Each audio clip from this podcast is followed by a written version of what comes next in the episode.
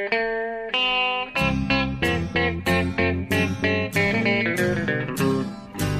out there, we're on the air. It's hockey night tonight. Tension grows, the whistle blows, and the puck goes down the ice. The goalie jumps and the players bump and the fans all go insane. Someone roars, Bobby scores at the good old hockey game. Oh, the good old hockey game is the best game you can name. Hallå, hallå, hallå, hallå, hallå, hallå, hallå där, hallå, hallå, hallå. Hallå, hallå och välkomna till NHL-podcasten med eh, Jonathan eh, Broccolipajen Ekeliv. Vi hörde hallå Ja. där eh, i Örby utanför Stockholm och eh, mig då, Per Bjurman, som vanligt i New York. Ja, Ja, Precis. Och vi ska spela in vårt 298 avsnitt. Vi närmar oss med stormsteg ett riktigt eh, hett jubileum här. ja precis. Det börjar förberedas lite smått i alla fall inför det. För att eh, det kan tänkas att det ska sjungas och så vidare. Vem vet? Ja. ja, egentligen hade vi väl inte föreställt oss att vi skulle göra det i, i eh, just nu. Därför att eh, vi har precis blivit september, hur absurt det än kan låta. Eh, jag tycker det var så konstigt. Tidsperspektiven har förskjutits helt enormt under den här pandemin och karantän och lockdown och, och allt vad det heter. Eh, Verkligen. tiden går både fort och långsamt på något underligt vis. Eh, jag förstår inte riktigt. Men framförallt är det ju, framförallt är det ju absurt att eh, ja, så här i början av september, i, i normala fall hade vi börjat förbereda för, för en season preview nu, bara tagit division för division och börjat närma oss. Eh, jag hade suttit och hållit på i bloggen med mitt stora preview-inlägg och sånt. Bara känna på det. Eh, Just och du, och du du, dessutom hade gjort? Du hade varit ute i Flushing Meadows där. Och varit på eh, US Open som brukar alltid säga. Säg inte så. Nu, vi fick, det har jag inte tänkt på. Det, det saknar man ju också enormt. Ja. Tennisen. Precis. Ja, det är ett, ett årligt återkommande, eh, en liten sidekick-höjdpunkt för mig. Precis, och det brukar vara nästan exakt i samma veva som vi kör första liksom, preview-avsnittet inför nya säsongen. Nu drar NHL-podden igång efter ett par månader långt uppehåll och så, och så säger du att du varit ute på Flushing Meadows och det är dags att börja hugga tag i Atlantic Division nu. Ja.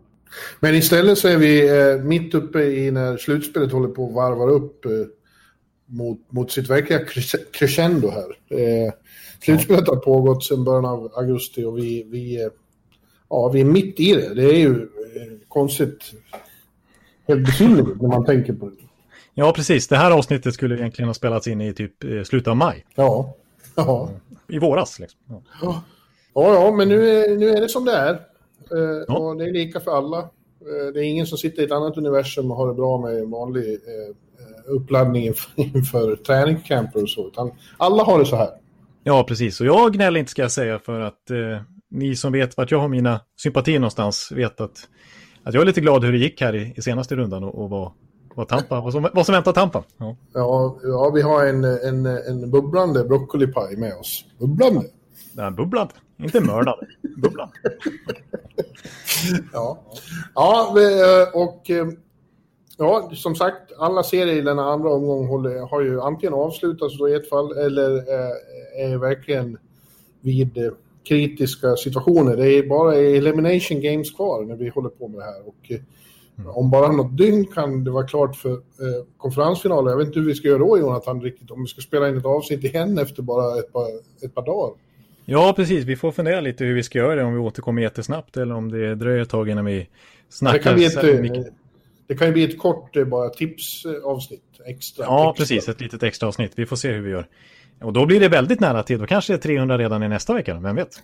Ja, ja eh, och vi ska såklart som vanligt eh, gå in på alla serier eh, och skärskåda dem. Eh, men vi har lite andra grejer att ta först.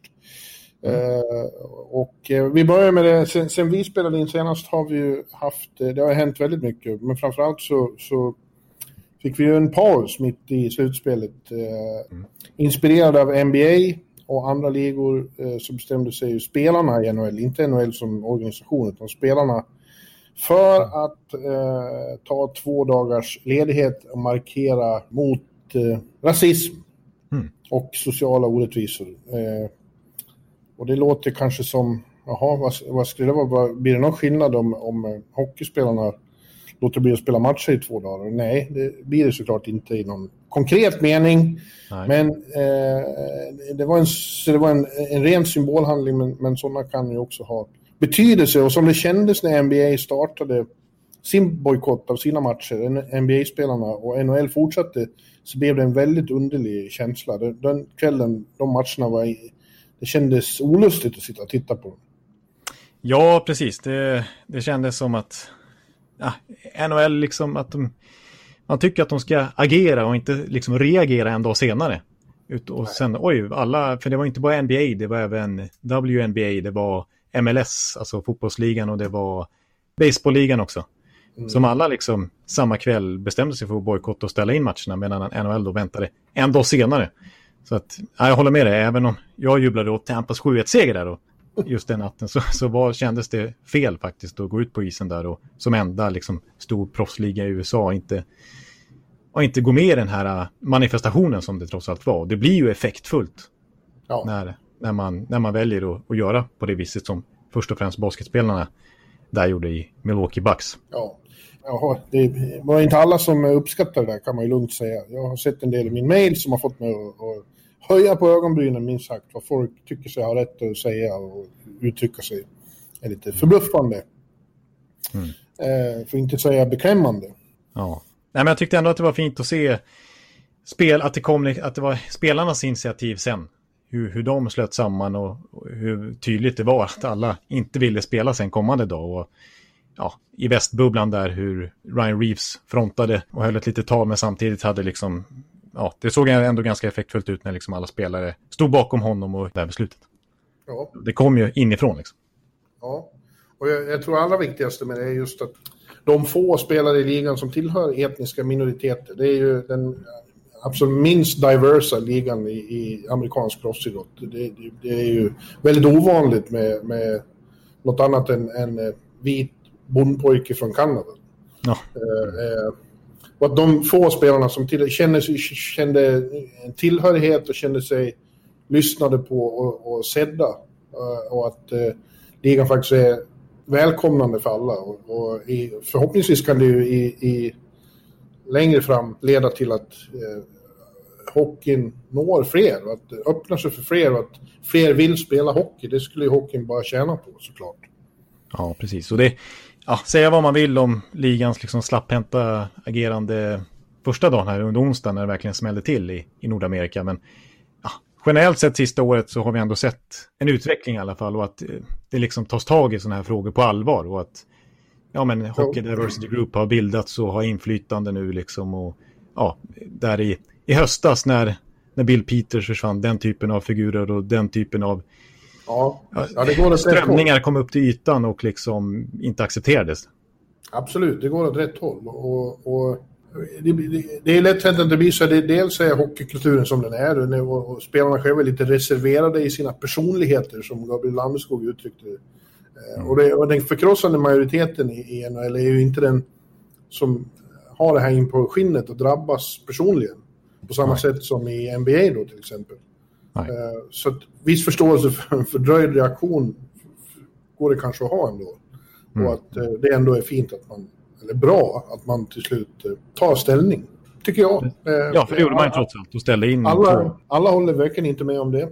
Men det tycker jag och det tycker du och därför tycker NHL-podcasten det också. Ja, precis. Ja, det är vårt officiella ställningstagande. Det var vårt statement. Ja. Ja, ja eh, det har hänt lite annat också. Eh, vi har till exempel sett en eh, trade sen senast. Ja, precis. Det, var, det var länge sedan vi såg en trade. Ja. Det, var ju, ja, det var ju våras någon gång. Det är längsta uppehållet på trademarknaden sedan 2005 tyckte jag. Ja, okej, okej, okej.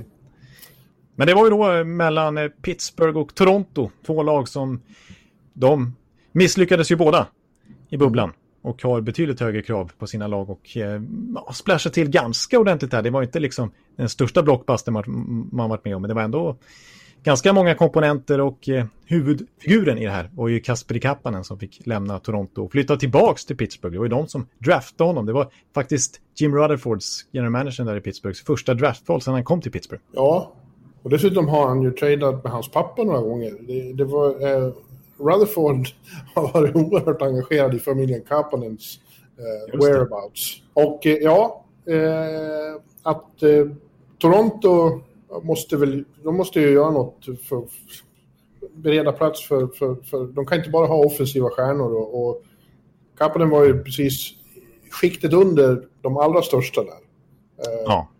Men också liksom ett, ett väldigt offensivt vapen. Ja, men han kändes faktiskt expendable liksom och, och speciellt sett till Luke Keefe som jag ändå kunde tänka mig liksom hade en bra relation till honom sen tiden i Marlies där ju båda började i Torontos organisation. Men eh, nu under vintern så har ju Keefe, han ville knappt spela Kappanen med Tavares eller Matthews eller Nylander eller Marner uppe i topp 6 utan Kappanen fick ju nästan alltid spela i tredje kedjan. Och med den Ja. lönen som han trots allt satt på 3,5 miljoner dollar per säsong på tredje kedjan med den offensiva bredden som Toronto redan har så kanske han var närmast till, han, närmast till hans att, att ryka. Liksom. Ja, ja jag, jag förstår absolut att de, de måste ju eh, stuva om i truppen, helt enkelt ge den en annan identitet. Eh, Och då är det sådana som han som, som ju måste, eh, måste skicka sådana. Vad, vad jag inte riktigt förstår är vad, vad, vad, vad Pittsburgh ska ha honom till, höll jag på att säga. Vad, vad, han, vad de hoppas att han ska ge som inte de redan har. Nej, precis, utan eh, där är ju uttalat att han ska gå in i top 6, i deras top 6 istället och få en större roll än vad han hade i Toronto och lira med Crosby eller Malkin. Ja. Men... Eh, Ja. Rutherford brukar ju vara bra på att identifiera sånt där, vilka spelare som ska passa in i hans mix. Det Ja, är- precis. Framförallt i början av sina Pittsburgh-år så satte han ju varenda trade. Ja. Men nu har varit lite sämre. Han, det är som du säger, han, han, han plockar spelarna han vill ha. Men han har gjort det kanske lite för mycket tycker jag. Han kanske gick på myten om sig själv lite grann efter allt beröm han fick första åren. För att eh, det här var faktiskt hans 50 trade sen han tog över för 5-6 år sedan. 50 50 ja. Mm. Wow. Så eh, han har verkligen varit aktiv. Ehm, nej, men så jag måste säga att jag tycker att Toronto eh, vann den här traden om jag ska säga så. Jag, alltså, de fick faktiskt, de fick ju första valet i kommande draften av Pittsburgh som är nummer 15 i och med att Pittsburgh då missar slutspel. Eh, så ett ganska bra draftval och så eh, Filip Hollander fick de ju spännande. Svensk Mm. talang, Luleå, eh, gjort det bra i SHL och Toronto hade faktiskt ögonen på honom redan när han skulle draftas då 2018 och hoppades att han skulle ramla ner till dem i tredje rundan. Men så plockade Pittsburgh honom i slutet av andra rundan. Eh, Så det, är- det är en spelare som Toronto verkligen haft ögonen på. Och sen dess har han utvecklats och är ju liksom en bra SHL-spelare nu. Född på 00-talet så det finns ju verkligen utveck utvecklingspotential där. Eh, Jag tror att det, det viktigaste för Toronto i den här traden var att de blev av med Kappanens lön på 3,5 miljoner dollar Mm. något som de, de kan använda till att kanske ta in en back då istället. För att, som du sa från, från starten, där, stuva om truppen lite grann. Lägga Ja. pengarna på, på en annan lagdel. Ja. Ja, det går, det går inte bara att förlita sig på fem, sex supervassa offensiva skäl. Det behövs helt enkelt. Men det har ju visat sig nu. Det är ingen diskussion om det. Det räcker inte. Nej, precis. Så du kommer ihåg vad vi pratade om för några veckor sedan där, när de åkte ut, att eh, Toronto-fansen skriker lite efter Pietrangelo, att han ska göra en Ja. Tavares och komma hem till Toronto. Det, Ja. det kommer kosta skjortan kanske, men eh, vem vet. Ett annat intressant rykte faktiskt som dök upp kring Toronto som jag läste här. Som jag först tyckte lät osannolikt, när man, men när man sätter sig in i det lite, kanske det kan bli så. Att de skulle göra sig av med Fredrik Andersen. Ja, det har jag sett rykten om att eh, Carolina är ute efter honom. Ja, alltså precis. För att målvaktsmarknaden är ju diger i sommar så att då kanske Toronto ger sig ut där och efter en eh, Leander eller Crawford eller ja, Markan. eller om de Markan eller om, om det är för dyrt så kan de ju eh, hoppas på Jack Campbell som tog, de tog in i slutet av den här säsongen och ta in en Grice eller en Sjudobin eller något sånt där. Och, och lägga pengar på en back istället. Men för, för grejen med Andersen är att han tjänar ju 5 miljoner dollar per säsong i ett år till. Men hans kontrakt är väldigt signing-bonus uppbyggt. Så att eh, Toronto har redan betalat faktiskt 4 miljoner hans lön den här säsongen i ren signing, i den kommande säsongen i ren signing-bonus. Så att det han faktiskt tjänar i, i dollar är ju bara en miljon kommande säsong. Eh, även om hans capita då är 5 miljoner dollar per säsong, lönetagsträff. Så att ett lag som Carolina som kanske har lite snålt om faktiska dollares. Mm. Eh, de skulle kunna få in Fredrik Andersson för bara en miljon då. Så att den typen av lag kanske skulle vara intresserade av den lösningen rent ekonomiskt. Medan Toronto då kan utnyttja att free agent-marknaden är stark i sommar och ersätta Andersen på det viset istället. Ja, fast jag tror, ja, jag tror inte på det du säger om Jack Campbell och en likvärdig till. Då, då hamnar man i Colorado-situationen. Ja, det kommer vi komma in på. eh, vad, vad, vad den situationen innebär. Men, mm. Mm. Ja. Ja, vi får se. Det, båda de här lagen som sagt, det, båda har sagt också efter den här traden att de kommer göra mer. Så det kan vi ju, de kommer ju återkomma till eh, ett antal gånger närmaste månaden. Ja, det blir spännande i november med hela den här trade-historien. Ja, det blir, en, det blir verkligen en eh, November Frenzy alltså. Konstigt. Ja, när, när, nu serien börjar nästa, nästa säsong. De, de, har ju något mål på början av december, men det verkar högst otroligt att, att de kommer att komma igång redan då. Och ingen förstår ju vilken form. De vill inte göra bubbla av grundserien. Det, det blir för svårt. Det har ju skissat så här på fyra hubbstäder ja, i grundserien. Jag, jag såg eh, Larry Brooks eh, skrev häromdagen att källor som han har varit i kontakt med i ligan så att det, det är inte aktuellt, det är för dyrt. De bränner alltså 100 miljoner dollar på det här slutspelet. Ja, ja precis. Och jag tror inte spelarna är så villiga att, att hålla till i bubblor i 82 matcher. Liksom. Nej. Det kommer att bli en komprimerad serie och inte all, alla kommer inte att möta alla och så vidare. Det kommer att bli, kommer att bli konstigt, eh, får vi räkna med. Ja, men det är lika fullt. Spännande trader och sånt blir det. Det blir det i alla fall, det kan vi konstatera. Florida, eh, de, eh, vi konstaterar att de snabbt sparkade ju sin general manager. Dale Talon. Dale Talon. Och är nu på jakt efter en ny och det har hållits intervjuer. Det verkar rätt mycket inför öppen ridå det hela. Ja. Chris Drury vet vi vad det är. Han är assisterande general manager Rangers. Han var där på intervjuer men hoppade sen själv av efter första intervjun och stannade här i New York. Mm. det talas om Kevin Weeks. Ja, det är lite kul att typ, de här tv-personligheterna som ju snurrar på nätterna när vi kollar på NHL och, och i NHL Tonight, en sån som Kevin Weeks eh, har ju alltså blivit intervjuad av Florida på det här jobbet. Ja, även eh, Ed Oldchick är, ja. är, är aktuell. Men ett annat namn som, som fladdrar i luften är ju då Peter Chiarelli. Och det får ju hela supporter-NHL att skratta. Ja, det får ju hela den här GM-jakten att bli någon slags skämt nästan. ja, alla tycker att han har varit den sämsta inom tiderna efter Boston och Edmonton. Ja, alltså, ja, han vann ju Stanley Cup med Boston men sen så slutade det inget vidare bra. Trada bort Tyler Seguin till exempel och allt vad han höll på med där i slutskedet och sen så framförallt då Edmonton med Taylor Hall och med ja, what not. Vi kan väl nämna tio exempel på dåliga trader han gjorde i, i Edmonton. Att han ska ja. vara aktuell för till jobb och få det förtroendet, det, det är osannolikt, men samtidigt så pratas det om att han har väldigt, liksom, han har väldigt starka kontakter i NHL-världen. Liksom, ja, andra generalmanager kanske liksom pushar lite för honom, lägger in gott ord. Så att få in andra ligan igen så man har någon att, att göra dåliga trades med. Eller helt enkelt för, för sin egen räkning bra trades. Konstigast av allt är att NHL-kontoret, eh, NHLs ledning verkar väldigt förtjust i honom och vill att han ska vara del av ligan igen. Så att han, han måste ha en väldigt charmig personlighet som, som eh, gör att människor vill ha med honom att göra ändå. Precis, för han dyker ju upp i sådana här rykten och blir intervjuad lite titt som tätt. Trots ja. sitt CV. Liksom. Ja. ja. Vi får se, men Olschick är väl inte helt osannolik att han skulle helt plötsligt bli en general manager just i Florida med tanke på ja, dels sin relation till Quenville efter alla år i Chicago. Han har ju varit kommentator i Chicago länge under hela dynastin där med Quenville och är god vän med honom och så har han ju tydligen ganska starka kopplingar till ägaren också, Vince Viola, för de har gemensamma intressen i hästkapplöpningsbranschen. Ja.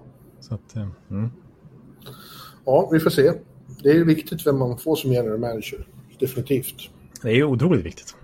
Ja. Eh, framförallt i November Friendsen där. Det är då de ska leverera. New Rangers har sin eh, general manager klar i Jeff Gorton, men eh, det händer ju saker där också. De knöt till sig eh, Jacques Martin som eh, assisterande coach eh, häromdagen.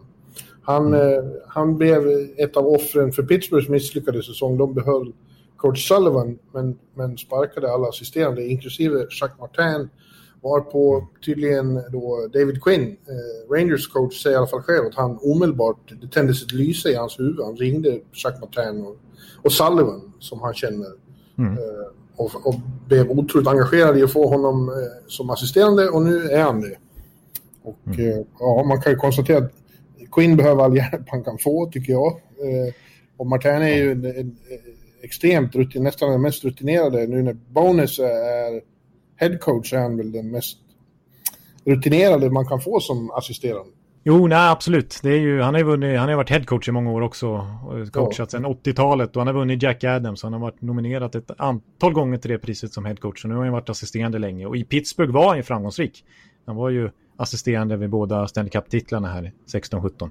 Ja, och han var huvudcoach när, när Montreal eh, nästan lotsade sig till final 2010 med ett lag som egentligen inte hade där att göra. Och då var man imponerad av honom. Precis, exakt. Och, ja, jag tycker det är en bra uh, hiring av uh, Rangers. Jag tyckte ju inte att de skulle ha behållit Quinn.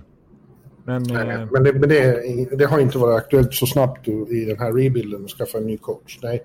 Men eh, Martin ska ha hand om förmodligen då backarna och eh, penalty kill. Det är ju Martin bra på. Han är ju erkänt liksom skicklig att bygga upp struktur och han är ju väldigt duktig boxplay coach då. Inte ja, minst. Och, det, och det, det, behövs ju verkligen för det har ju varit ett, katastrof. Ett, ja, ett huvudbry under Lindy Ruffs mindre lyckade ledning. Precis, han var ju också en väldigt rutinerad coach de hade som assisterande här precis innan. Men, men det konstiga är att han fick defensivt ansvar för att hans kännetecken är ju snarare faktiskt. Även om man, man ser på honom som old school och så här, så har han varit skicklig offensiv coach. Men att, att sköta Rangers backar, det var han ju katastrof på. Så att där kommer Martin sätta en mycket bättre struktur. Det kan vi redan slå fast tycker jag. Ja. Eh, ja. Franska rensare som kan snacka lite franska med Lafrenière här också. Just det. Mm. Just det. Ja, då kan vi ta in eh, en finsk coach också. Så, vi, så Kakko kan Kakko kommer igång, ja precis. Jukka Jallonen får komma och assistera också. Jarkko Päiväniemi. Ja, Jarkko Päiväniemi är ett jättebra namn. Det lanserar vi här i NHL-podden. ja. Som det bästa alternativet. Ja, han borde få en roll i Rangers, det tycker jag. Och bo här. Och Capos eh, conciliere. Ja. ja. ja, det skulle säkert göra dunder för, för Capo, det tror jag i alla fall. Ja. Och det kan vara guld värt. Mm. Absolut.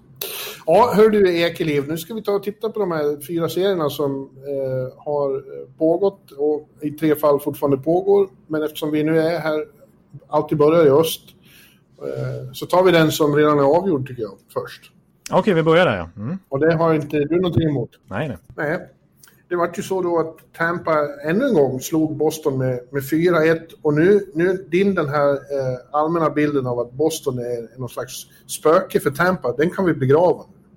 För det har de ju faktiskt två gånger i rad när de har mötts i slutspel vunnit med 4-1. Ja, precis efter ungefär exakt samma händelseförlopp. Alltså, ja. De börjar med att förlora första matchen och Boston känns tyngre och det känns som att de är det här spöket som jag pratar om. Och det blir kämpigt och tufft och det här, det här kan komma att sluta bra. Men så, så bara helt plötsligt blir det fyra raka segrar istället. Ja. Eh, och det är liksom tvärtom, att, att Tampa har gått och blivit Bostons buggy-team. Eh, för jag nämnde, ja, verkligen, verkligen. jag nämnde det förra veckan, Tampas record mot Boston, sen den här 4-1-segern i matcher i 2018 då, i det slutspelet. Och räknar man in de matcherna så ja, då har faktiskt Tampa 14 segrar och bara fyra förlust mot Boston över en tvåårsperiod. Ja. ja. Ja, och Tampa är alltså tillbaka i konferensfinal igen för första gången sedan 2018. Men, men eh, det, vad är det? Fyra gånger på fem eller sex år? Eller vad är det? Ja, alltså det får man ändå måste säga Tampa. De har inte lyckats sätta körsbäret på vad man nu, nu, nu blir det ett ordspråk här, körsbäret på vad blir det? På milk, milkshaken? På, på, tårtan. på tårtan. På tårtan, ja. ja. Eh, men ja, de har ju varit i fyra konferensfinaler de senaste sex åren och fem stycken de senaste tio åren. Så hälften det senaste decenniet har faktiskt Tampa spelat konferensfinal, åtminstone. Ja, ja det vittnar om att det, det är ett lag som segrar i medvind och har ett fönster som har stått öppet länge. Eh, mm. Och eh, ja, kanske är det dags nu. Var, jag tycker att det var inget snack egentligen i den här serien. De vinner ju rättvist. Mm. Eh, visserligen två eh, övertidssegrar i det där, men de vinner ju varje gång de kommer till övertid. Av fyra möjliga övertidsdraman har de vunnit samtliga, det är ingen tillfällighet. Nej, precis. Det, det känns som att... Eh, nej, det, det, är något. De har en hunger, de har ett självförtroende på ett annat sätt än tidigare. Ja. Det känns, eh, till och med jag känner det, jag som är som pessimist och inte ingår i laget. Det smittar av sig på mig genom iPad-skärmen i Örby-natten. Att eh, det här kan nog lösa sig ändå. Men, eh, men den stora skillnaden mot tidigare, det här har vi eh, debatterat i sms under matcherna, eh, är ju att de spelar mer traditionell slutspelshockey och inte, inte bara gör det snyggt hela tiden. Utan du har ju framförallt poängterat flera gånger att Tampa för första gången någonsin gör en massa fula mål. Ja. Ja, det gör de ju precis. Det är det som måste till, att liksom inte, inte passa runt och, och göra sig elegant som möjligt, utan det är pang och in och, och slå in returer och styrningar och grejer. Mm. Ja, men det är ju stor skillnad på att möta Detroit eller New Jersey eller någonting i grundserien när det är ytor och sådär. Eh, och man mm. kan göra den typen av mål. Men eh, i slutspel är det ju tätt och tajt och man lär sig varandra ganska bra att hantera motståndarna och liksom fokusera på deras bästa spel och så vidare. Och då blir det, då, då måste man göra den typen av mål och, det har ju faktiskt Tampa lärt sig nu. För nu tycker jag majoriteten, alltså Tampas spel är ju inte så elegant alla gånger utan nu är det väldigt systematiskt och, och det går ut på att eh, ha mycket folk, alltså alla de här klyschorna som faktiskt mm. blir extra tydliga i ett slutspel. Mm. Ja.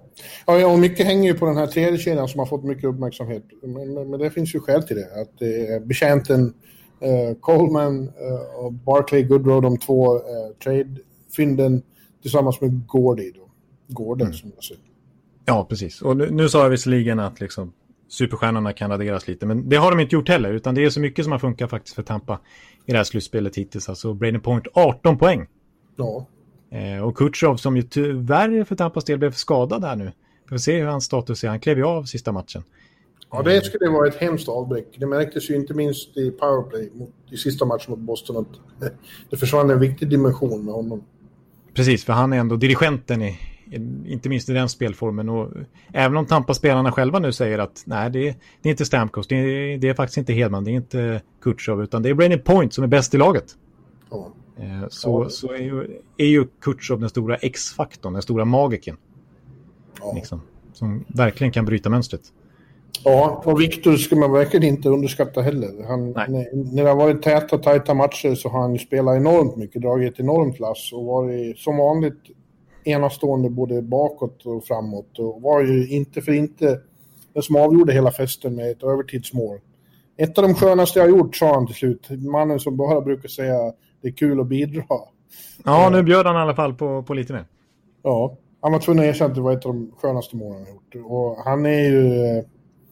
Han är ju också, om, om, om, om Tampa går hela vägen så är han ju definitivt en, en Conn Smythe-kandidat. Absolut. Alltså, skulle, ja, ja, ja, ja, de har ju så många bra spelare där, spetsspelare, Tampa och, och bredd också, men även om vissa spelare nu pekar på Braden Point så skulle jag, jag nog faktiskt säga att Hedman är viktigast i laget. Att ta bort honom, då blir det svårt. Ja, och det, det såg vi till exempel i Columbus-serien i fjol när han blev skadad i den slutspelserien och det verkligen brakade samman efter det, totalt. Även, även eh, eh måste jag sätta lite extra plus på Vasilevski. Det var ju mycket prat om många andra målvakter. Han får inte så mycket cred för att man liksom utgår från att han ska vara bra. Men han har verkligen varit enastående i, i, i vissa matcher också. Precis, det måste man säga. Det måste man säga. Han har varit otroligt bra. Haft väldigt, han har inte haft någon riktig svacka i det här slutspelet heller, utan väldigt pålitlig. Precis som, som du säger, som man förväntar sig att han ska vara. Ja.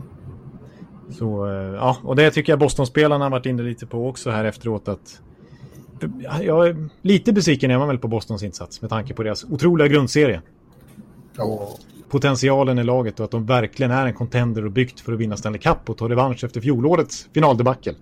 Ja. Eh, men... Eh, på något ja, sätt... de, de, alltså, man såg ju när de började bubblan där då, så var de inte sig själva och sen blev de det långsamt, eh, kom upp i normal form. Men, men med facit i hand så den här historien med att Tukarask åker hem, mm. den, den tog ju ändå luften ur dem lite grann. Det, det går inte att komma ifrån. Halak har gjort det jättebra, men, men det blir inte samma, samma liksom majestätiska tyngd som med, med Tuka i kassen. Nej, nej, faktiskt inte. Och i slutändan om man jämför med Tampa i den här serien så torskar de ju i många kategorier. Alltså dels på målvaktssidan, Halak mot Vasilevski. Dels liksom i bredden. Tampa ja. hade bättre bredd. Eh, dels i trade deadline-värvningar. Alltså Tampa fick en helt annan udd med, med Coleman och Goodrow och även Bogosian på backsidan faktiskt som oväntat nog har gjort det. Ja, verkligen. Mm. Eh, medan ja, Kashe var en non-factor. Eh, Ritchie-bröderna som de tog in eh, lämnar väl med bakdörren här snart. Eh, ja. De, de, fick ingen effekt på den typen av värvningar och, och spetsen var väl bra. Men problemet var att den mördande första kedjan mötte en lika mördande toppduo och till och med topptrio med tanke på Palats fem mål i den här serien.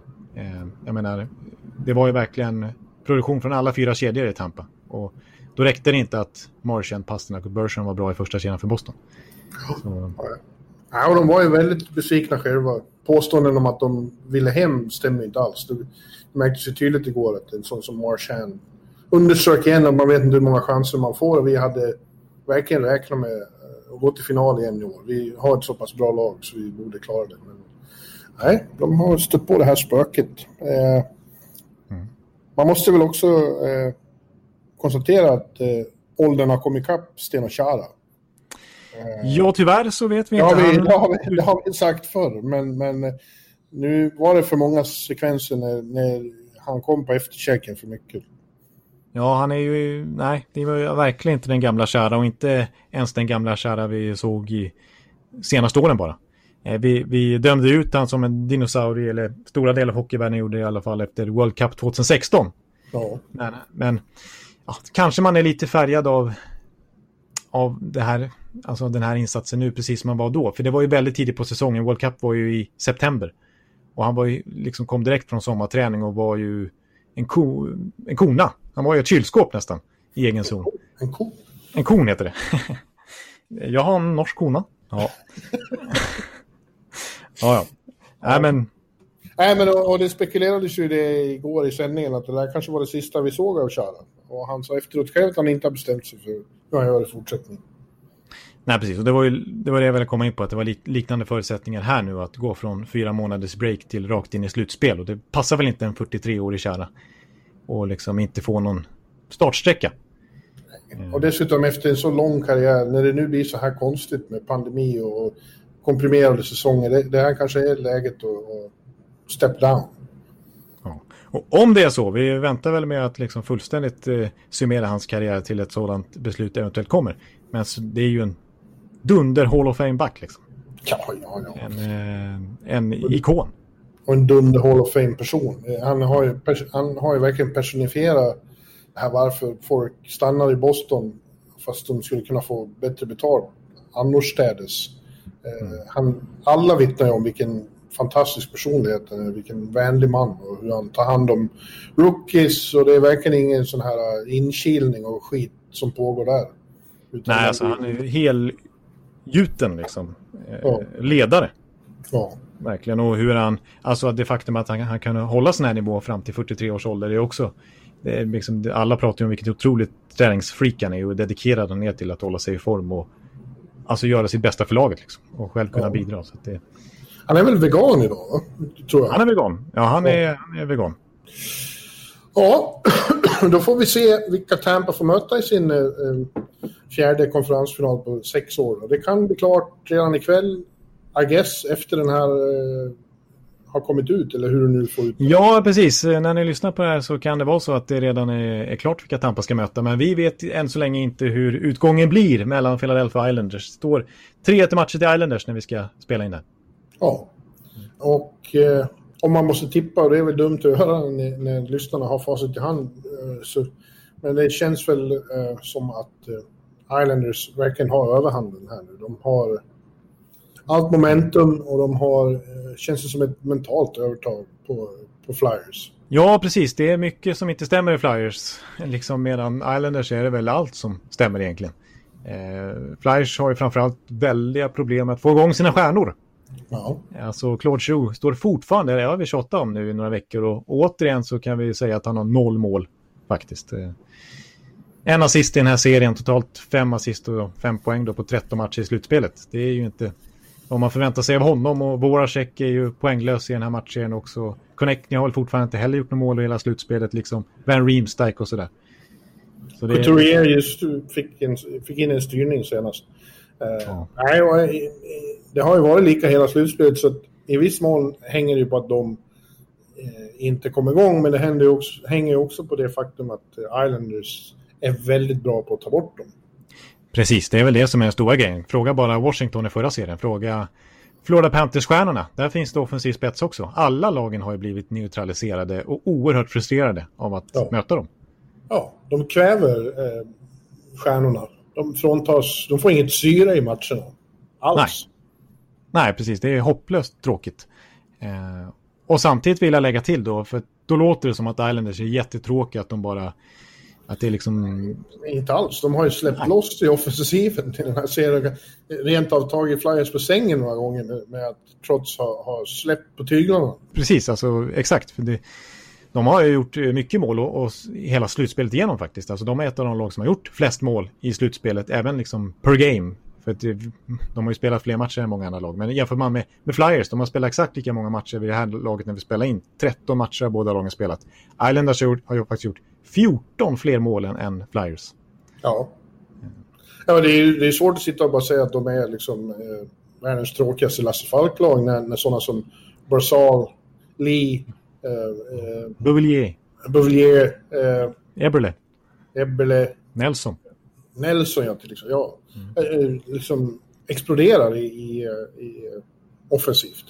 Mm, precis. Och det här självförtroendet som kanske inte Flyers har just nu, det är som verkligen Islanders har. Det läste jag att Brock Nelson uttalade sig om efter sin fina match om natten. Att, eh, han har varit där så länge och han har haft flera olika coacher. Och Bertrott Trotz är den sista nu. Eh, och han säger att han har liksom aldrig varit med om det här i Islanders. Trots allt så finns det ju en liten sån liksom lillebrors stämpel där och, och det var länge sedan deras storhetsperiod på 80-talet och de kanske inte alltid har sett sig själva som solklara contenders här. Men nu, nu, nu tror de att de kan slå vilket lag som helst. De har inga begränsningar så. Nej, de har uppenbarligen det eh, som mm. vi har varit inne på här några gånger Teemu Selänne en gång förklarade för vän Varpo. Att man kan känna i ett lag när, när man har det. Det är svårt att definiera vad det är för någonting. Men, men det handlar ju om den här feel känslan självförtroendet och just det där insikten. Eh, den självklara insikten att man kan slå vem som helst. Precis, man kan inte alltså, ha som mål liksom, att man ska vinna Stanley Cup, men att man ska känna att det verkligen är så. Det är ju en helt annan sak och det är den känslan som har infunnit sig plötsligt här. Ja, och det är lite demoraliserande för Flyers när eh, senaste matchen när Islanders kommer tillbaka och vänder igen. Det är ju det också. Det, mm. det viktigaste brukar vara att inte hamna i underläge mot Islanders. Men nu hjälper det inte att ta ledningen heller. De envisas ju med att komma tillbaka hela tiden.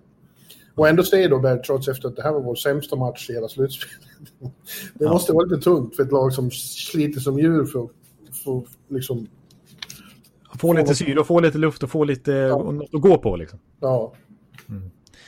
Ja. ja, apropå trots det så tyckte jag var lite intressant citat av honom också. För att det här med att ja, alla säger att de kan systemet utan och innan och att de litar på varandra. Att det, de är så otroligt synkroniserade. Liksom. Det, är ju, det är ju en, även om man får lyfta fram flera delar så är det ju summan som är själva grejen med, med Islanders. Men då sa ju trots här att liksom mitt sätt att coacha handlar inte om equality utan det handlar om inequality. Att, alltså att vara coach handlar om det är att hantera olikheter. Så ja. det, det, går liksom, man måste ju närma sig alla spelare på olika sätt. De, de har olika egenskaper som spelare, de har olika sätt att ta till sig information. Hans uppgift är att vara väldigt mångsidig. Inte ja. liksidig för att liksom, här, få dem att spela på ett visst sätt. Utan, ja. och, och spelarna vittnar ju om också att även om de har en väldigt tydlig matchplan och synkroniserad så, så finns det en plan B, en plan C, en plan D, en plan E. För hur motståndarna agerar och hur matchläget ser ut och sådär. Så det, det, det, är inte bara en, en enkel enformig stil som Trotz står för, utan det är väldigt, väldigt liksom mångbottnad. Det är ju extremt klokt ledarskap istället för alla ska behandlas lika, punkt och slut. Mm. Som man känner att det finns i, i vissa fall. Mm. Nej, utan det är, det är, mycket mer bredare än så. Ja. Det är också intressant att se att Valamov, eh, under hela grundserien så hackar vi om att, att det var fel att skicka iväg Lener och det kan man ju fortfarande tycka och att Valamov inte håller samma klass. Men nu verkar det som att han har tillbringat sommaren med Mitch Korn. Eh, ja, precis. Han har, han har ju blivit... Han var helt strålande i den här serien. Nu var det ja, han har blivit... senast då, som återigen visat att han förmodligen är en av ligans bästa backups. Eh, men Valamov har ju varit ett under av stabilitet. Precis, han fick ju bytas ut i en match där, men dessförinnan satte han ju rekord i Islanders historien i, i liksom nolla svit. Ja. Eh, generellt sett har han varit otroligt bra och det är bara åt, där får man liksom lyfta på hatten igen för det är ju någonting med Mitch Korn och vad han gör med, med målvakter. Jag menar när Lena kom till Islanders så var ju han låg status i NHL och det var liksom osäkert om man skulle få jobb i någon klubb. Men nu vet nu är Lena en av de liksom stora stora stjärnorna i ligan på målvaktssidan. Och, och Valamo var ju verkligen ingen, inget hett namn. Nu fick han ju en bra lön av Islanders, men det var ju väldigt ifrågasatt. Liksom. Varför ska de ta in han på den, det kontraktet? Och något år innan var det folk som spekulerade att man skulle till och med åka hem till KHL. Men jag menar, nu är han ju superbra som du säger. Ja. Så det, det måste ju, det gemensamma nämnaren måste ju vara Mitch Korn. Ja, eh, absolut. Tror man ju. Eh, ja. ja, det är svårt att se att, eh, att uh, Islanders ska kunna stoppa, så det är lite intressant. Går de till konferensfinal så är det första gången sedan 93. Uh, ja. Går de dessutom till final så är det första gången sedan 83. Uh, och då, då fanns inget av de övriga lagen som har chans att gå dit. Nej. Nej, det är på den nivån. Och det, det börjar röra på sig lite här i New York också. Alltså Islanders är ju en afterthought för det mesta i, i New York City-media. De har mm. sin egen newsday ute på Long Island, där de är stora. Men nu börjar New York Post och Daily News och sådana här... Eh, Brooksy skriver om Islanders och till och med Mike Vaccaro, som är huvudkrönikören. Han, nu råkar han komma från Long Island och är lite Islanders-fan, har man förstått. Eh, men det, det börjar röra på sig liksom även i media. Det är kul att se. Ja, men det säger någonting om de ändå får ta utrymme och plats i New York Post. Liksom. För det, här, det är som du säger, det är annars Newsday man får gå in på om man ska läsa om Islanders. Uppslag idag i New York Post, det är helt otroligt. Ja. alltså det betyder två sidor på... på ja, på tidningsspråk. Ja. Eh, de andra finns det inte så mycket att skriva om. Nej, kanske inte. Flyers då, eh, de eh, hoppades ju få och fick väl också till viss del en moralisk boost av det fantastiska i att Oskar Lindblom var med på uppvärmningen senast. Mm. Det indikerar att han inte är så långt ifrån en comeback. Vem vet, det kanske händer redan i natt. Man tror väl inte riktigt det. Men, men eh, han sliter hårt, säger badtofflan, Oskar, för att komma i matchform igen. Och det skulle ju vara enormt förstås om han kunde spela. Precis, och han är ju ändå en, det är ändå en stor motivationsfaktor för hela laget. Hans stora framfart och liksom progression efter, efter den här stor, långa rehabiliteringsperioden. Eller korta får vi nästan säga med tanke på hur otroligt osannolikt det är att han faktiskt är med här och aktuell för spel. Eh, ja, för de gjorde, alltså när han var med på matchträning, även om de torskade den matchen så var det ju en riktigt, det kanske var Flyers bästa match i serien. Ja, ja de är, till skillnad från i matchen förr, då såg de ju trötta ut. Mm. Eh, det gjorde de inte i, i, i fjärde matchen. Ja, de kom ut med lite ny energi trots allt. Mm. Och eh, på, av ett skäl så hoppas jag de vinner den här femte matchen. Därför att mm. eh, om inte, om, Fly, om Islanders blir klara och Tampa redan är klara, då har NHL tydligen då planer på att veva igång den eh, konferensfinalen direkt i Toronto. Egentligen ska ju alla konferensfinaler spelas i Edmonton. Men ja. eh, de har så bråttom och NBC vill få matcher så det passar in till helgen och så. Så då kan de eh, eventuellt då dra igång konferensfinalen fast den västra inte är klar. Eh, och jag, vi har pratat om det där förut, jag hatar den där eh, att det blir så osynkroniserat då. Och framförallt så det, det, kan ju sluta med att det ena finallaget får gå och vänta i tio dagar på att den västra konferensfinalen ska bli klar. Ja, precis. Det blir ju jättekonstigt då om Tampa och vi säger Islanders sätter igång nu imorgon. Precis, och så, så går det undan i den serien att det blir 4-0 i matcher till något av lagen, till exempel Tampa. Eh, ja. jag då. Eh, ja, men som du säger, det kan ju bli en enorm period utan hockey för det laget. Det är en jätte icke-fördel då eh, inför en Stanley Cup-final. Då vill man gärna ja. att det ska vara någorlunda rättvisa förutsättningar. Ja. ja, så bara därför hoppas jag att det blir många matcher mellan Flyers och Islanders. Så vi slipper den eh, problematiken. Ja. Mm. Yes. Eh, för vi, men även i väst så kan det ju ta slut eh, pretty soon. Ja, det kan, en av serierna kan ta slut i natt. Och det är ju den ja. mellan Vegas och Vancouver. Ja, där, eh, den serien tycker jag väldigt mycket om att se. Jag säger igen att det spelas roligare hockey i väst. Ja, alltså jag gillar ju inte det. Men eh, det är väl så. Det är ju så. Ja. Eh, och eh, nu börjar det mörkna för Vancouver då. Tyvärr jag säga, jag, jag har ju hela tiden tjatat om mycket hur kär jag blivit i deras sätt att spela hockey. Jag tycker de står upp bra mot Vegas också. Det varit lite varannan match för lagen där, men fram till fjärde matchen då, då, var, det, då var det ganska jämnt. Men eh, när det blir jämnt så väger Vegas kanske lite tyngre ändå. De har ju sån... De har ju sån... De är så kompletta. Ja, det är så jobbigt att, att, möta dem över tid liksom. Och jag känner lite grann att Vegas, de går inte bara på självförtroende och liksom entusiasm, utan de, det är så inbultat det här system, systemet nu. Det är liksom, de är ju en maskin nu. Eh, medan det känns ändå som att Vancouver kanske inte riktigt är klara. De är lite före sin tid egentligen mot vad de här spelarna borde liksom kunna Absolut. prestera nu. Men, men de, de lever på sin entusiasm, på sin hunger, på sin underdog-stämpel lite grann. Eh, ja, men, det... men, också på väldigt massa skicklighet. De får, ja. de får ut mycket av, av de bästa spelarna med Elias, eh, Quinn Hughes. Eh, ja, Besser och Horvat. Fast, fast eh, Vegas ägnar rätt mycket energi åt att och, och försöka stoppa framförallt Elias och Quinn Hughes. Hughes har haft en väldigt jobbig uppvaktning de senaste matcherna. Och de är lite nasty också, Vegas, har man ju förstått. De säger, skriker elaka saker.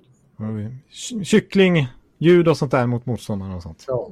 Nej, men, men Pettersson, trots det, han gör ju klassmål på klassmål. Alltså, hans highlights-paket i det här slutspelet är ju tio minuter långt. Ja, ja vilken, vilken formidabel eh, hockeyspelare vi har där. Ja, det är... Det och Markan, alltså... och målvakts, svenska målvaktskampen är ju också enastående fin medan Lener och Markan nu vilade Lener senast och Flower kom in. Men eh, båda två radade upp eh, storartade räddningar i de flesta matcher. Lener säger att han blir bara peppad av att eh, Antoine Rosell är ju på honom hela tiden, försöker hacka och, och, och jävlas med honom. Och han sa åt mig på TV, jag förstår inte, han förstör bara för sitt eget lag. Det enda som är att jag blir irriterad och då blir jag bättre. Ja, ja exakt. Och, och Lena har ju, han har varit bra, det får man ju säga. Höll, håller nollan här senast han spelade. Så att... Nej, jag tycker, jag tycker, jag tror Vegas tar det här relativt snabbt. Och att eh, de kan börja förbereda sig på konferensfinal. Ja, fast jag vill se mer av Canucks. Jag vill ändå att de vinner ikväll. Ja. Snälla. Snälla. Du ber mig här. Ja. Kan du inte använda lite av din, din magi? Ja, just det. Om jag nu hade någon. Ja. Nej, men det, jag tycker det är häftigt ändå med Vegas. Deras record hittills i slutspelet är det starkaste. Tio segrar och bara två förluster om man även räknar in round robin. Um, det är ju, och jag kommer ihåg att jag pratade om förra veckan att ja, om man räknar liksom Corsi, alltså eh, skottförsök framåt på isen respektive bakåt när man är inne på, på isen på ett individuellt plan så, plan. så det är ingen spelare i Vegas som är under 50 procent. Det vill säga alla har skottövertag. Alla spelare, till och med nere i fjärde kedjan, har skottövertag när de är inne på isen. Och i den här serien mot Vancouver, samma sak. Samtliga Vegas-spelare har skottövertag faktiskt. Till och med Nick Cousins och Ryan Reeves och hela gänget där i bottom six. Ja, de spelar, de spelar med tre första kedjor och så en, en andra kedja nästan kan man kalla det först med fjärde kedjans eh, signum. Ja. Ja, alltså, ja, ja, visst, de får ju mycket cred för sin bredd och den är ju jättebra för sin spets också naturligtvis som är fantastisk. Det är verkligen två första kedjor i alla fall. Men de här uh, bottom six, alltså de två sista kedjorna gör ju väldigt bra. Och det, ja, alltså, det är ju... Ja, det, är, de här, det är sådana som man inte trodde skulle ha, vara så framstående. Nick Cousins och Niklas Roy. Ja, precis. Alex, exakt. Alex Tuck har ju varit helt eh, livsfarlig. Han, är ju, han gör mål hela tiden. Precis, jag tycker att man, ja, verkligen. Man måste, man måste lyfta fram Kel McCrimmon. För i början var det ju George McPhee, general managern från start, som fick väldigt mycket cred. Men då var ju Kelly McCrimmon hans högra hand och vad man förstår låg bakom väldigt många av besluten i vilka de plockade expansionsdraften och så här hur de resonerade där till exempel att ja, men vi tar inte Sami Vatanen, Sami Vatanen från Anaheim och vi kan ta Clayton Stoner och i så fall få Shea Theodore. Super, superbra. Ja, men vi tar inte Eric Stahl från eh, Minnesota, men i så fall tar vi Erik Haula och Alex Tuck. Ja, mm. Och sådana här grejer. Och William Karlsson då från eh, Columbus och allt. Och både Marcius och Riley Smith. Från, alltså, mycket av det här var ju Kel McCrimmon och även de här som du säger nu. Alltså som de knappt betalar någonting för men som de har handplockat till sin bottom six. Alltså de tog Ryan Reeves från Pittsburgh mot att de tog emot lite lön för Derek Brassard i en trevägsdeal för ett par år sedan. Och, de, och Nicholas Roy, eller Nicholas Ra, hur man nu vill uttala det, fick de för ett, ja de fick de ju för en halvskadad Eric Howla då när de skickade vidare honom till Carolina. Och Nick Cousins fick de för ett fjärde runda val och Chandler Stevenson fick de för ett femte runda val. Så att, ja, ja ser, mycket.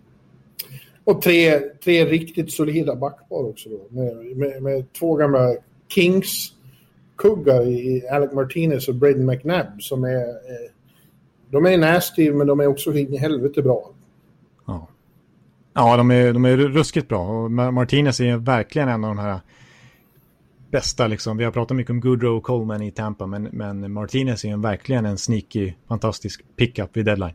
Som ja, har stärkt McNabb, McNabb tycker jag också, han är, han är så elak. Liksom, och, och inte kul eh, att vara i, i, i gurgen med runt, runt kassen. Nej.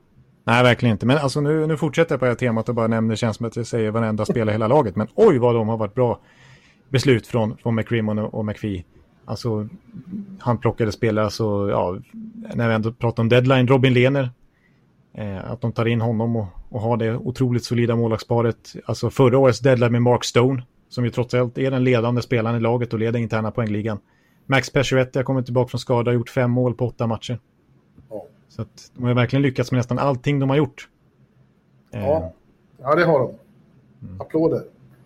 Ja, så, ja jag, jag, för mig är de nog favoriten faktiskt att vinna hela, hela skiten. Alltså, sett till slagkraft just nu. Ja, tänk Tampa-Vegas i final och den blir man blåst på. Resor mellan Tampa och Vegas. Ja, just det, just det, precis. Den hade inte varit dum alltså. Nej, men vi är inte där än. Det är många hinder på vägen. Oj, vilken gick. Mm. Ett, ett av lagen i serien, Dallas Colorado, ska till eh, konferensfinal också. Det, den serien, vilken, vilken vilda västern-show. Det svänger något enormt. Från period ja. till period och match till match. Ja, alltså på, på fem matcher så står det 22-21 till Dallas. Det är liksom det är över 40 mål den här serien på fem matcher. Det är galet. Det är ja. vilda västern.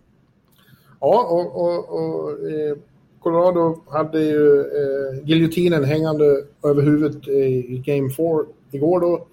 Eh, och då hoppas man, kan de visa att de förstår det? Och det kunde de verkligen. De gick upp i 5-0 ledning i första perioden. Ja, 5-0 i en elimination game, det, det finns ju inte. Nej, det gör det faktiskt inte. Eh, jag tror Michael det, Hutchinson i kassen. Jag tror att det var, och, och, det var ju fyra mål på väldigt kort tid. Jag tror att det var, det var något slags rekord. Det inte sedan 40-talet har det gjorts fyra mål av ett lag så snabbt i en elimination match. Nej. Ja, det är totalt osannolikt med tanke på hur det såg ut i matchen innan. Liksom. Ja. Och hur det sett ut i serien innan. Ja. Men det var som Jerry Bednar sa före att eh, det är grumpy. Vi har visat Dallas för mycket respekt och nu jävlar. Och det, det levde de upp till. Ja, verkligen. Det, Ja, den här serien måste jag säga att jag fullständigt varit ute och, och jag, jag har varit så dålig i analysen av den här serien så att det är helt otroligt. Så som jag har ändå... Förra podden så sa jag ju att ah, det är inte hela världen att Grubauer blir skadad för att Franchos, han kommer stänga igen butiken. Och så som jag har klagat på Dallas nu under säsongen efter att ha tippat dem som ställer kappmästare inför säsongen och så är, är de plötsligt stora målmaskiner liksom. Ja, och comeback-maskiner. Alltså, comeback-maskiner, ja de har ju visat en väldig resolution. När de, när de hamnar i underläge så är det, betyder det ingenting. 5-0 kommer man inte tillbaka från. Men, men 3-0 och 3-1 och sånt, det har de ju, det har de ju visat att de absolut kan, även mot, mot Colorado. Men låt oss ta den där målvaktssituationen i, i, i Colorado. Den, den, har ju du och jag bakom kulisserna en rätt så hård debatt om. Vi har inte, ja. vi har inte varit så oense sedan jag fick rätt om Bill Peters. Nej, är det negativa här att det ser ut att, som att du får rätt igen? ja, jag hävdar att det, det, hade varit klokt av Colorado att satsa på en, försöka trada till sig en elitmålis. Jag har aldrig riktigt litat på paret Grubauer, François, Fran, vad säger man? Franchos. Franchos. Det är Fran tjeckiska uttalet. Mm. Frankie kallar de honom internt i laget. Ja, det kanske är lättare. My name is uh, Pavel Franzos. Och nu, som sagt, det är ju det är inte deras fel att de har blivit skadade båda två så att de får lov att spela med Michael Hutchinson av alla ja. människor i världen. Men, men eh, framförallt Frankie då, var, i den matchen han stod var, var verkligen inte bra. Nej, precis. Han fick ju hoppa in efter Grobauers skada och stått ett par matcher på slutet och då har det rasat in Dallas mål. Eh, ja. Och eh, ja, det, han var ju en, det var ju en, pucken var ju ett tvål för honom till slut innan han blev utbytt och då nu skadad påstås det i, i, i sista matchen. Han inte ens var ombytt. Men, men det är klart han är. De tar inte in tredje och fjärde. Nej, nej precis. Han har ju någon, något problem uppenbarligen. Då, men, ja, de har... Nej, det är målvaktsparet. Målvakts, det har varit målvaktskris. Ja. Mm. ja. Tänk om de hade tagit Lener istället. Ja. Men du kom ju dragande med, ja men titta Binnington. Men det, det var ju... Det var ju Nej, men jag, jag vill bara försvara då liksom att... Ja, visst, de har inte så mycket statistik i slutspel och, så här, och luta sig mot eh, Grobauer och, och Franchos. Men de har gjort det väldigt bra över tid. Eller ja, Franchos är ju ny för den här säsongen. Man gjorde en fantastisk grundserie, gjorde väldigt få plattmatcher. Tvärtom, gjorde, stod på huvudet mängder av gånger i vintras. Så att jag förstår att man hade kunnat lita på honom. Och anledningen till att jag drog, upp, drog ut Binnington då var ju att, att St. Louis gick ju in med honom i slutspelet. Efter en, han var ju stekhet visserligen. Men eh, han var ju helt färsk och liksom, hur ska man kunna lita på en, Ja, en kille som började säsongen som fjärdemålvakt? det var en anomali. Alltså det, det är inte, man ska inte se det som en trend att nu tar vi upp oprövade fjärde målvakter så kommer det att gå Nej. bra.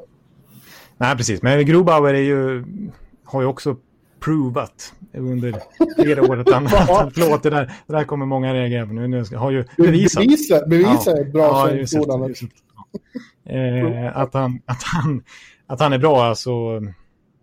Han hade ju en period där, sista året i Washington, där någon fyra, fem månaders period där han konsekvent hade högst räddningsprocent i hela NHL. Att, Ja, men ska jag, försöka, ska jag få lov att säga det här igen? Det är skillnad på grundserie och, slutspel.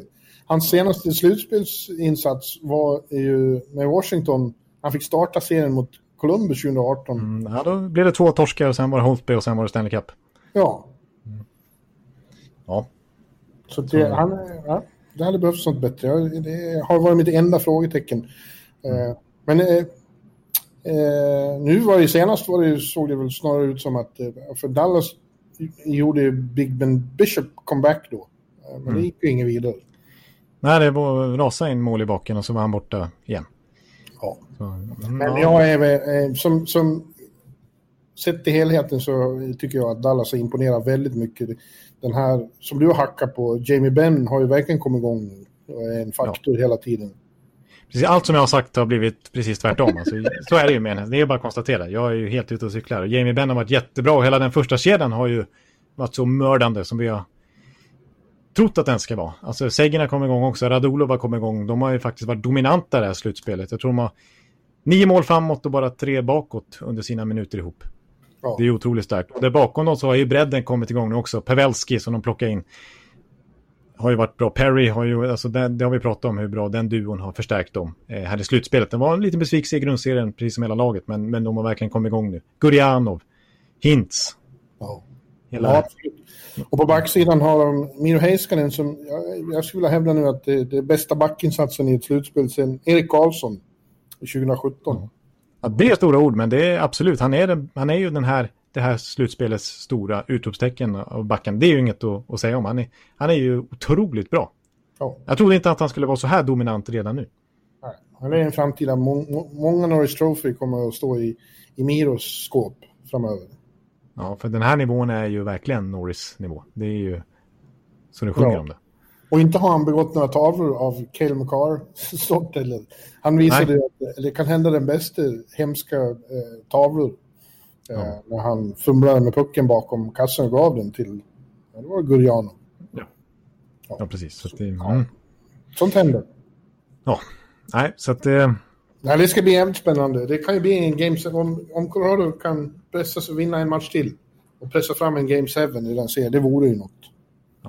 Ja. Vi har inte sett några game 7. nej, vi vill se det. Det har tagit slut, även i första rundan också, tagit slut snabbare än vad man trott i många serier. Det har varit svårt att komma ikapp, men eh, vi får se om Colorado kan vara en litet undantag. Ja. ja. Eh, vi vet kanske i natt eh, eller framöver här. Rätt så fort och då får vi se om vi återkommer. Eh, vi ska avsluta med på, på traditionellt sätt med vår lilla veckans All-star-lag. Ja, men vi gör så. Det, det får vi avsluta med. Ja. Vi har faktiskt båda tagit ut det den här gången. Det är, oftast brukar vi någon av oss glömma bort det. ja. Men den här gången har vi ett varsitt. Ja, jag ställer Valamov i målet. Jag ställer Vasilevski i målet. Ja, det, det, det gör du kanske rätt i. Eh, på backsidan har jag Victor Hedman och just nämnde Miro Heiskanen. Det är svårt att, att eh, som de har briljerat på slutet, även om det finns hård konkurrens. Ja, alltså där kan man ju tycka att jag borde ta Hedman. Jag ber om ursäkt till, till Victor här, men jag har tagit Heiskanen och Shea Theodore. Ja, ja, och man ska inte komma från P&P i, i Islanders. Nej. de är ju grymma första backparet där också. Ja, nästa vecka när vi går in, liksom nästa, nästa avsnitt när vi väl går igenom nästa ja, konferensfinalerna här, då vill jag prata lite mer om Adam Pelleck faktiskt. Ja. om de är det. Nu ska du inte ta... Ja, exakt. Precis. Nu tog jag ut något i förskott här igen. Det kanske var en jinx. Mm. Ja. Ked... Nu har jag glömt vilka jag tog ut i kedjan, men jag vet att Nathan McKinnon var center och att Andrei Palat var med. För att han har blivit så ja. het. Ja, just det. Faktiskt. Det är sant. Det var ett bra ja. val. Eh, men vem mer då? Eh, jo, Pacioretty var det nog. Pacioretty med sina, eh, alla sina mål här efter ja. återkomsten. Ja, jag har McKinnon också. McKinnon har ju gjort mål i, han håller ju på att slå 13 matcher i rad. Eller Ja, så han har ju sprungit, han har ju sprungit iväg nu i poängligan. Redan 23 poäng och vi har bara spelat 13 matcher. Ja. Eh, det är ju oerhört starkt. Han är ju så fruktansvärt bra. Eh, han, har, han är ju gjuten då. Eh, sen har jag Point från Tampa. Och ja. så har jag tagit eh, Jamie Benn då, som lite upprättelse. Ja, just det. Men jag tycker Palat... Eh, Vad ser vi till ja, den här veckan? Lika, han, ja, han är inte lika dominant som på, men han har gjort väldigt många viktiga, fina mål. Mm. Precis, han har gjort fina mål som du säger. Han har, han har ju också gjort eh, liksom, första målet i matcherna. Typ tre matcher i rad gjorde han väl första målet. Och det är viktigt. Verkligen. Mm. Så, ja. Mm. Ja, då, eh, då sätter vi väl stopp för avsnitt 298. Det gör vi. Och så blir 299 eh, då preview inför konferensfinalen. Vi får se hur långt det blir, om det blir om några dagar bara eller om det blir nästa vecka. Nej, det blir nog ganska snart. Det blir väl det. Tack alla som lyssnar. Verkligen. Tack, och, tack. Och så på återhörande snart. Hej då. Hej. Hallå, hallå, hallå. Hallå, hallå, hallå. Alex Chiazot, Joe Luis Arena och Esposito. Esposito. Uttalsproblem, men vi tjötar ändå. Och alla kan vara lugna, inspelningsknappen är på. Bjuder Hanna Kohl, han är grym i sin roll. Från Kållesoffan har han fullständig kontroll på det som händer och sker. Det blir ju allt fler som rattar in hans blogg. Och lyssna på hans podd. One, two, three, speed, so Hallå, hallå, hallå. One, two, three, speed, so Hallå, hallå, hallå. Ekeliv, som är ung och har driv. Verkar stor och stark och känns allmänt massiv. Han hejar på Tampa och älskar Hedman. Sjunger som Sinatra. Ja, och det ser man. Nu är det dags för refräng. Dags för magi, Victor Norén. Du är ett geni. Så stand up at home and remove your hats. Höj volym, för nu är det plats. One, two, three, speed, so Hallå, hallå, hallå. One, two, three, speed, so Hallå, hallå, hallå. One, two, three, speed, so Hallå, hallå, hallå. One, two, three, speed, so Hallå, hallå, hallå. Det er utroligt længe siden mor, der samtidigt var så her Hallå, hallå, hallå. Det er utroligt længe siden mor, der samtidigt var så her